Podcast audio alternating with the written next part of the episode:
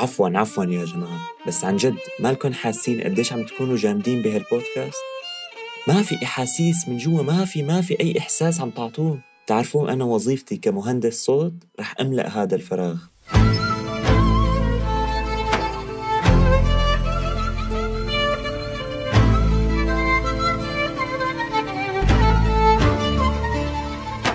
أنا من اليوم ورايح قررت رح صير استخدم هاي الموسيقى بدل اللي سلمتوني إياها. يوم بتطلع لي الأخت وبتفكر حالها شارلوك هولمز ويوم تطلع العذوبة والنقاء من الأستاذ تيسير.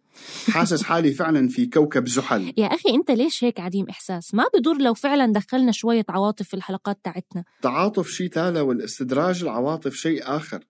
يبدو إنه فعلا يعني انتشار هاي المقاطع الصوتية والمرئية الحزينة اللي بتستدرج عواطف البشر وبتنتهك خصوصية الحياة هي المقاطع مثل اللي انتشرت خلال الحروب الماضية والمشاكل يعني هي فعلا تدعو للوقوف عندها. بتعرف شو اللي يدعو الوقوف عنده؟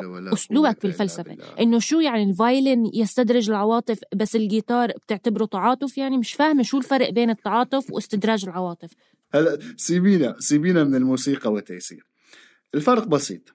التعاطف هو أني أشتغل على إظهار مشكلة إنسانية أو حالة اجتماعية عبر تسليط الضوء على العنصر الإنساني تمام؟ أوكي. أما استدراج العواطف هو أيضا يسلط الضوء على العنصر الإنساني ولكن عن طريق تصوير الأشخاص المهمشين بطريقة مبتذلة يعني مثلا التقاط صور يعني التقاط صور الأطفال وهم عم يبكوا أو تصوير المساعدات الإنسانية بالمناطق الفقيرة إلى آخره رح أعطيكي مثال حي ومباشر تعالي لورجيكي كيف ممكن نستخدم حرر لاستدراج العواطف. جاهزة؟ جاهزة. في زمن طغى عليه الطغيان وأصبحت الصحافة لغة للفساد. الإنسان هو عنصر لا وجود له والمرأة تعيش في زمن الاستعباد. حرر جاء لينقذ من يمكن إنقاذه. وأحضرنا سفينتنا كي نبحر عكس التيار. صحفي وصحفية في رحلة بحث برافو برافو برافو برافو يا شباب برافو. ما ما توقعت يطلع منكم هذا الشيء ما توقعت. شو رأيك؟ خليتوني دمع من جوا أحاسيسي من جوا كلها تحركت شايف أستاذ تيسير كيف استخدمنا المشاعر باستدراجك رغم إنه المضمون على فكرة فاضي وما له معنى. طب روق روق علينا شوي وخلينا ننزل الشارة الحقيقية. ويا ريت تعملنا فنجان قهوة يا صديقنا بدل ما تقعد تنظر على على تيسير وعلي.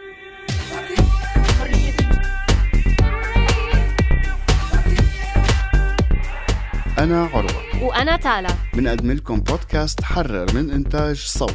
صحفي وصحفية في رحلة بحث. أنا أستاذ قلم سأكون معكم رغما عن تالا وعروة. عروة يمكن معك حق. عم يتم استخدام الأنسنة لاستدراج العواطف بس بنظري المشكلة بالتوظيف مو بالأنسنة نفسها كأداة. يعني كتير في صحفيين عم يستخدموا العنصر الإنساني بطريقة كتير جيدة بتخلي المتلقي يفهم القضية ويتعاطف مع الإنسان بطريقة كتير أعمق من تقارير أو أبحاث ناشفة. أنا مو مختلف معك أبدا على هذه النقطة. يعني بالآخر الاعتماد فقط في المادة الصحفية على المصادر الرسمية بوجهة نظري بخليها مملة ونظرية.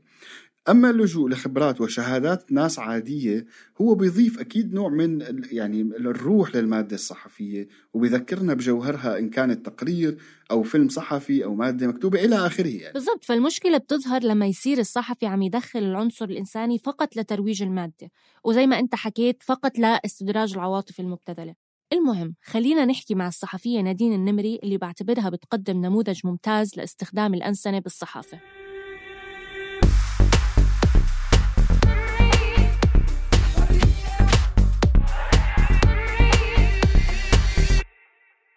أصدقائنا اسمحوا لي أرحب بالصحفية نادين النمري وهي صحفية متخصصة بحقوق الإنسان. آه، مرحبا نادين. أهلا. أنا آه، حابب يعني أدخل معك فورا بالأسئلة وموضوع الحلقة. موضوع الحلقة شيق جدا. فخلال الفترة الماضية كان آه، واضح أن هناك أزمة آه، أزمة ثقة بين المواطن العربي والإعلام يلي دعاه أنه يتحول لمصادر ثانية يعني للمعلومة مثل ال social media وإلى آخره. بيرجح البعض السبب أنه الإعلام بمعظم الأحيان بيستعين بالسلطة كمصدر للمعلومة وبيتم تهميش دور الإنسان.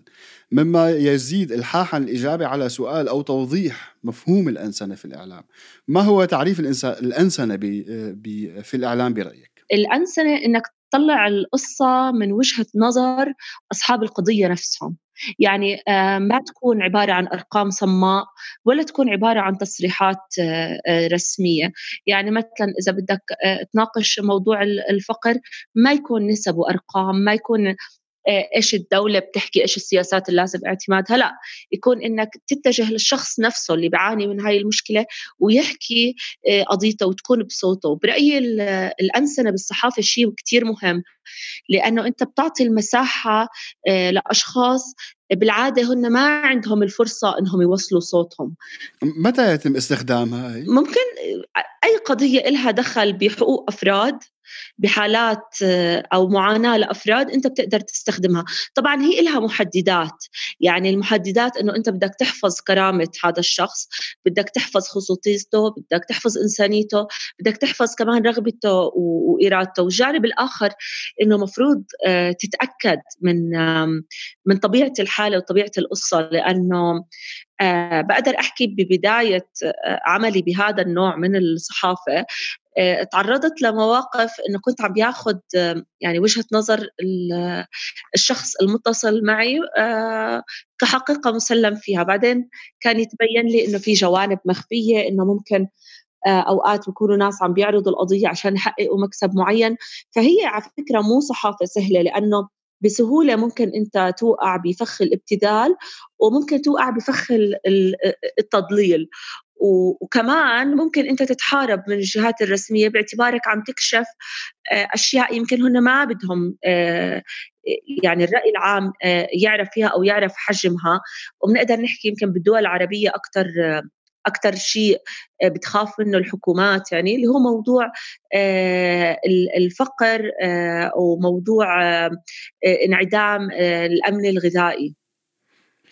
يبدو يبدو إنه هي موضوع يعني مفهوم أو فلسفة الأنسنة بحد ذاتها هي تتمحور في القصة الخبرية أكثر من يعني كنت عم بحكي أنا وتالا قبل قبل اللقاء يعني أنا كيف فيني أنسن خبر هو له علاقة فقط في الأرقام إن كان اقتصادي أو زيارة سياسية لمسؤول معين في دولة معينة إلى آخره.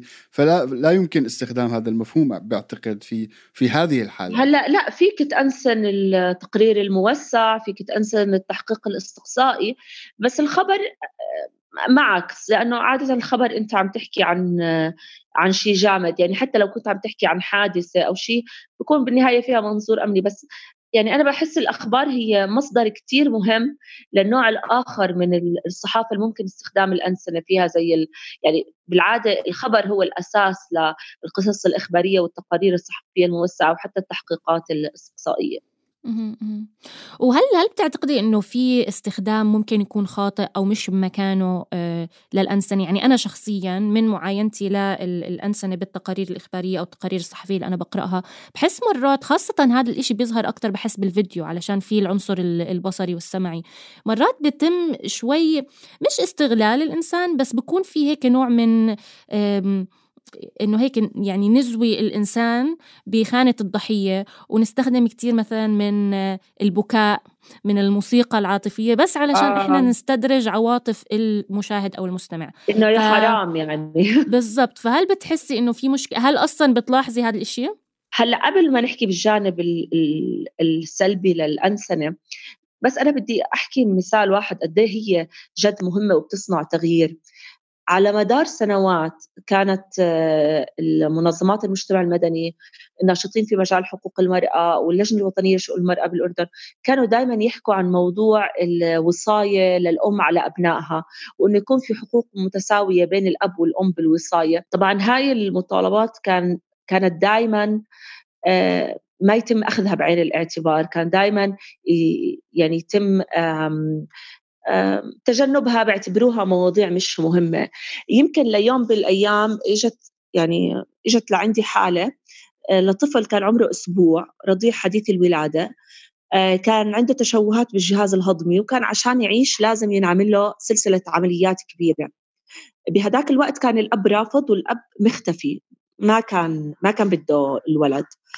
والأم كانت عم بتحاول تنقذ الولد بس اصطدمت بالقانون الصحة وقانون العقوبات اللي اللي بيلزم موافقة ولي الأمر لإجراء هذا التدخل الجراحي القصة قدرت تصير رأي عام وبالآخر بال 2017 تعدل القانون بحيث أنه تم السماح للأم باتخاذ القرارات اللي بتتعلق بصحة ابنها وبالحق بإجراء التدخلات الجراحية.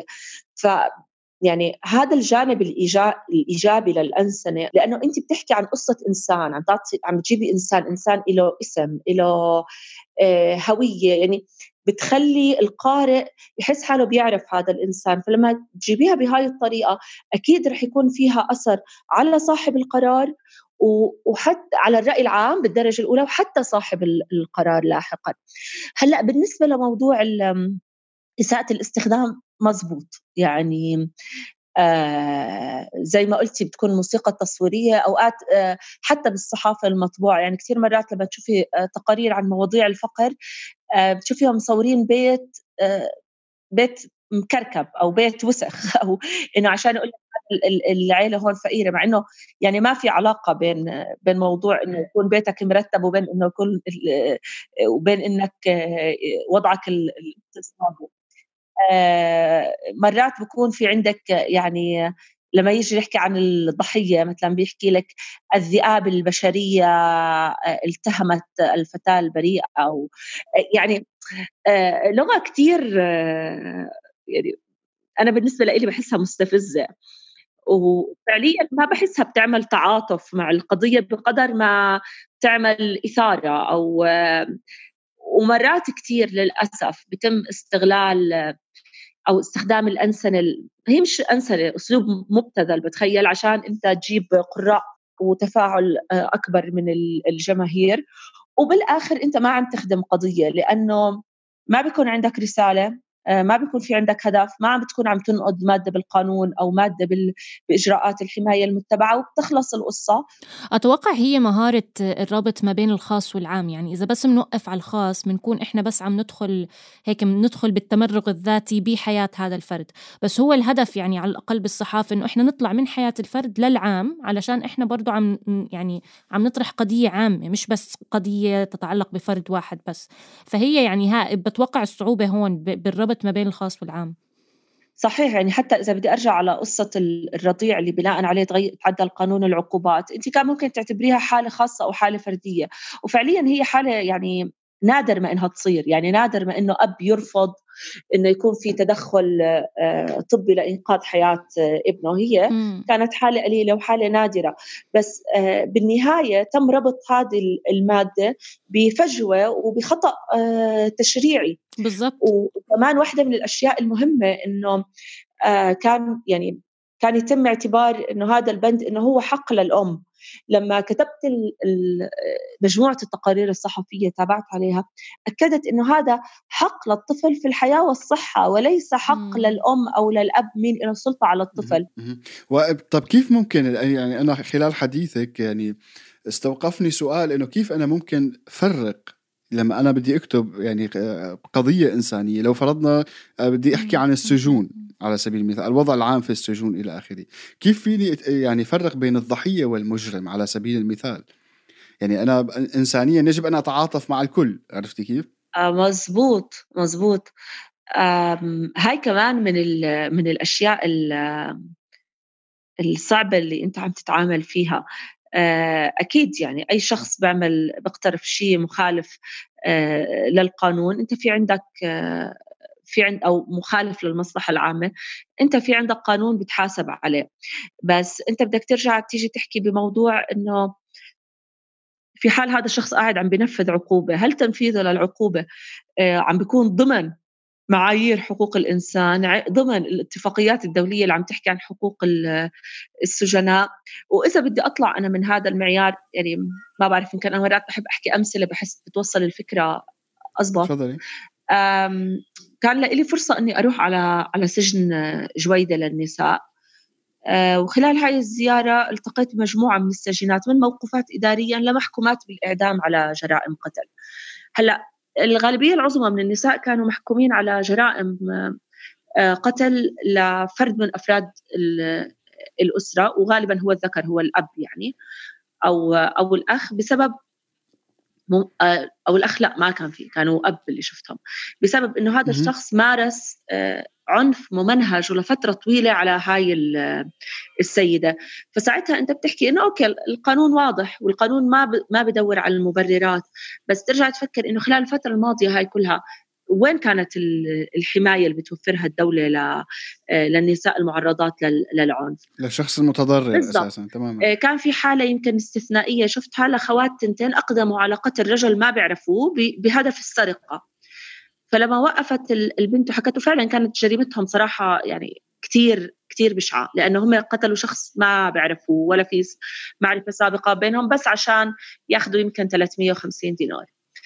آه، فكانوا البنات عم بيحكوا إنه إحنا طول عمرنا كنا عايشين بمجتمع ما عمره التفت لنا ولا التفت لحاجاتنا يعني إحنا عايشين في مجتمع يصنع المجرمين وما بتعاطف آه، معهم.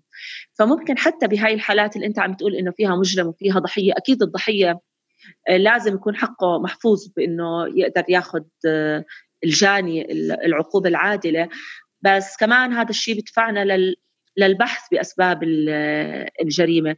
إنه. قد إيه لو في من هدول النساء وممكن يعني في حالات أخرى رجال توفرت لهم ال- الحماية آه، توفرت لهم ظروف أخرى كان ممكن ما يرتكبوا هاي الجرائم البشعة. وأتوقع هون التحدي وظروف, احتوائه. أتوقع هون المشكلة إنه كتير في ناس ب يعني بتلخبط ما بين شرح عام لا مثلا مسببات هاي الجريمة وبتصير تفترض إنه هذا الشرح هو عبارة عن تبرير. بس أنا بنظري يعني في فرق كتير واضح ما بين الشرح والتبرير. يعني إحنا نفهم هاي الجريمة بدنا نفهم سياق الحدث ومش ضروري نبرره. إحنا بس بدنا نفهم ليش صار. وهذا ما بيعني إنه إحنا عم بالضبط. يعني نبرره بالنهاية يعني جريمة القتل جريمة جدا بشعة. وغير وغير مبررة. آه بس إذا لها بتطلع. على تفاصيل تفاصيل بعض القضايا بتورجيكي وبترجعك لفجوات آه سابقة بالمنظومة الاجتماعية منظومة حماية آه، ضحايا العنف الأسري آه، بالمنظومة الأسرية بالتشريعات والقوانين اللي ما خلت هدول النساء يقدروا يستفيدوا من القوانين بالضبط. الموجودة حتى يخرجوا من دائرة هاي العنف بالتالي اضطروا لل- للخيار الأسوأ ويعني بالمناسبة يعني هو خيار يعني يعني الاستثناء إنه حدا يلجأ له لأنه بالنهاية زي ما حكينا الجريمة لا تبرر.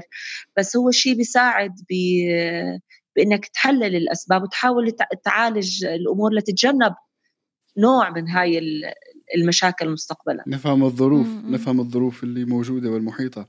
لمستي قلبي في القصص. آه، قصص كبيرة جدا فعلا وال- يعني المجتمع يحتاج إلى كثير من العمل حقيقة يعني لتوصيف الظروف ويكون في مهنية أكبر في في التعامل مع هي الحالات. لأنه فعلا يعني أنا تفاجأت في بعض القصص اللي ذكرتيها. على كل حال أشكرك جزيل الشكر على هذا اللقاء الجميل. وأتمنى أن نبقى على اتصال وتواصل حتى نطور هذا المفهوم سوية. شكرا لكم شكرا للاستضافة.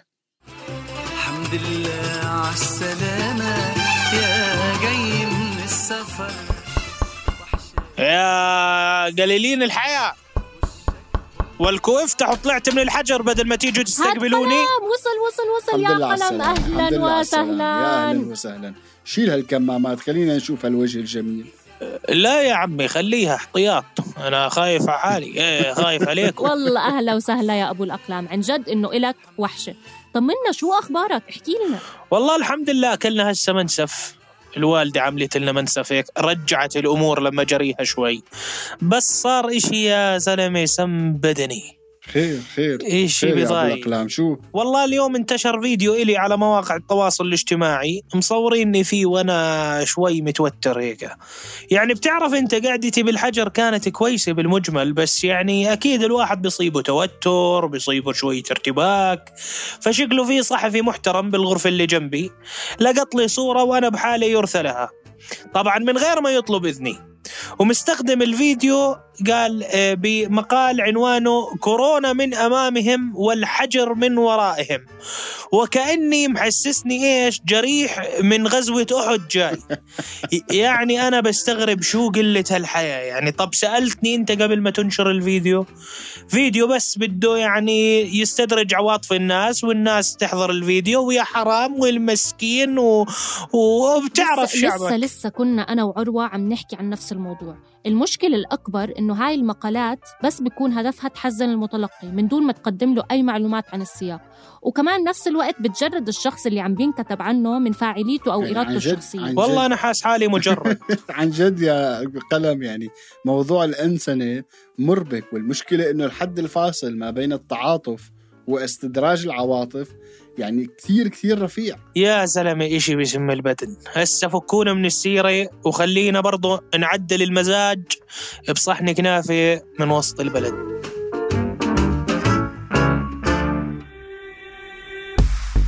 كنا معكم من الإعداد والتقديم عروة عيادة وتالا العيسى من الأداء الصوتي مؤيد حداد من الإخراج الصوتي تيسير قباني. النشر والتوزيع تولته مرام النبالي وجنى قزاز. تابعونا في الحلقة الجاي وإذا حابين تتلقوا تنبيه أول ما ننشر الحلقات القادمة ما تنسوا إنكم تضغطوا على زر الاشتراك أو تعملوا سبسكرايب بقناة حرر على تطبيق البودكاست اللي بتسمعونا عليه.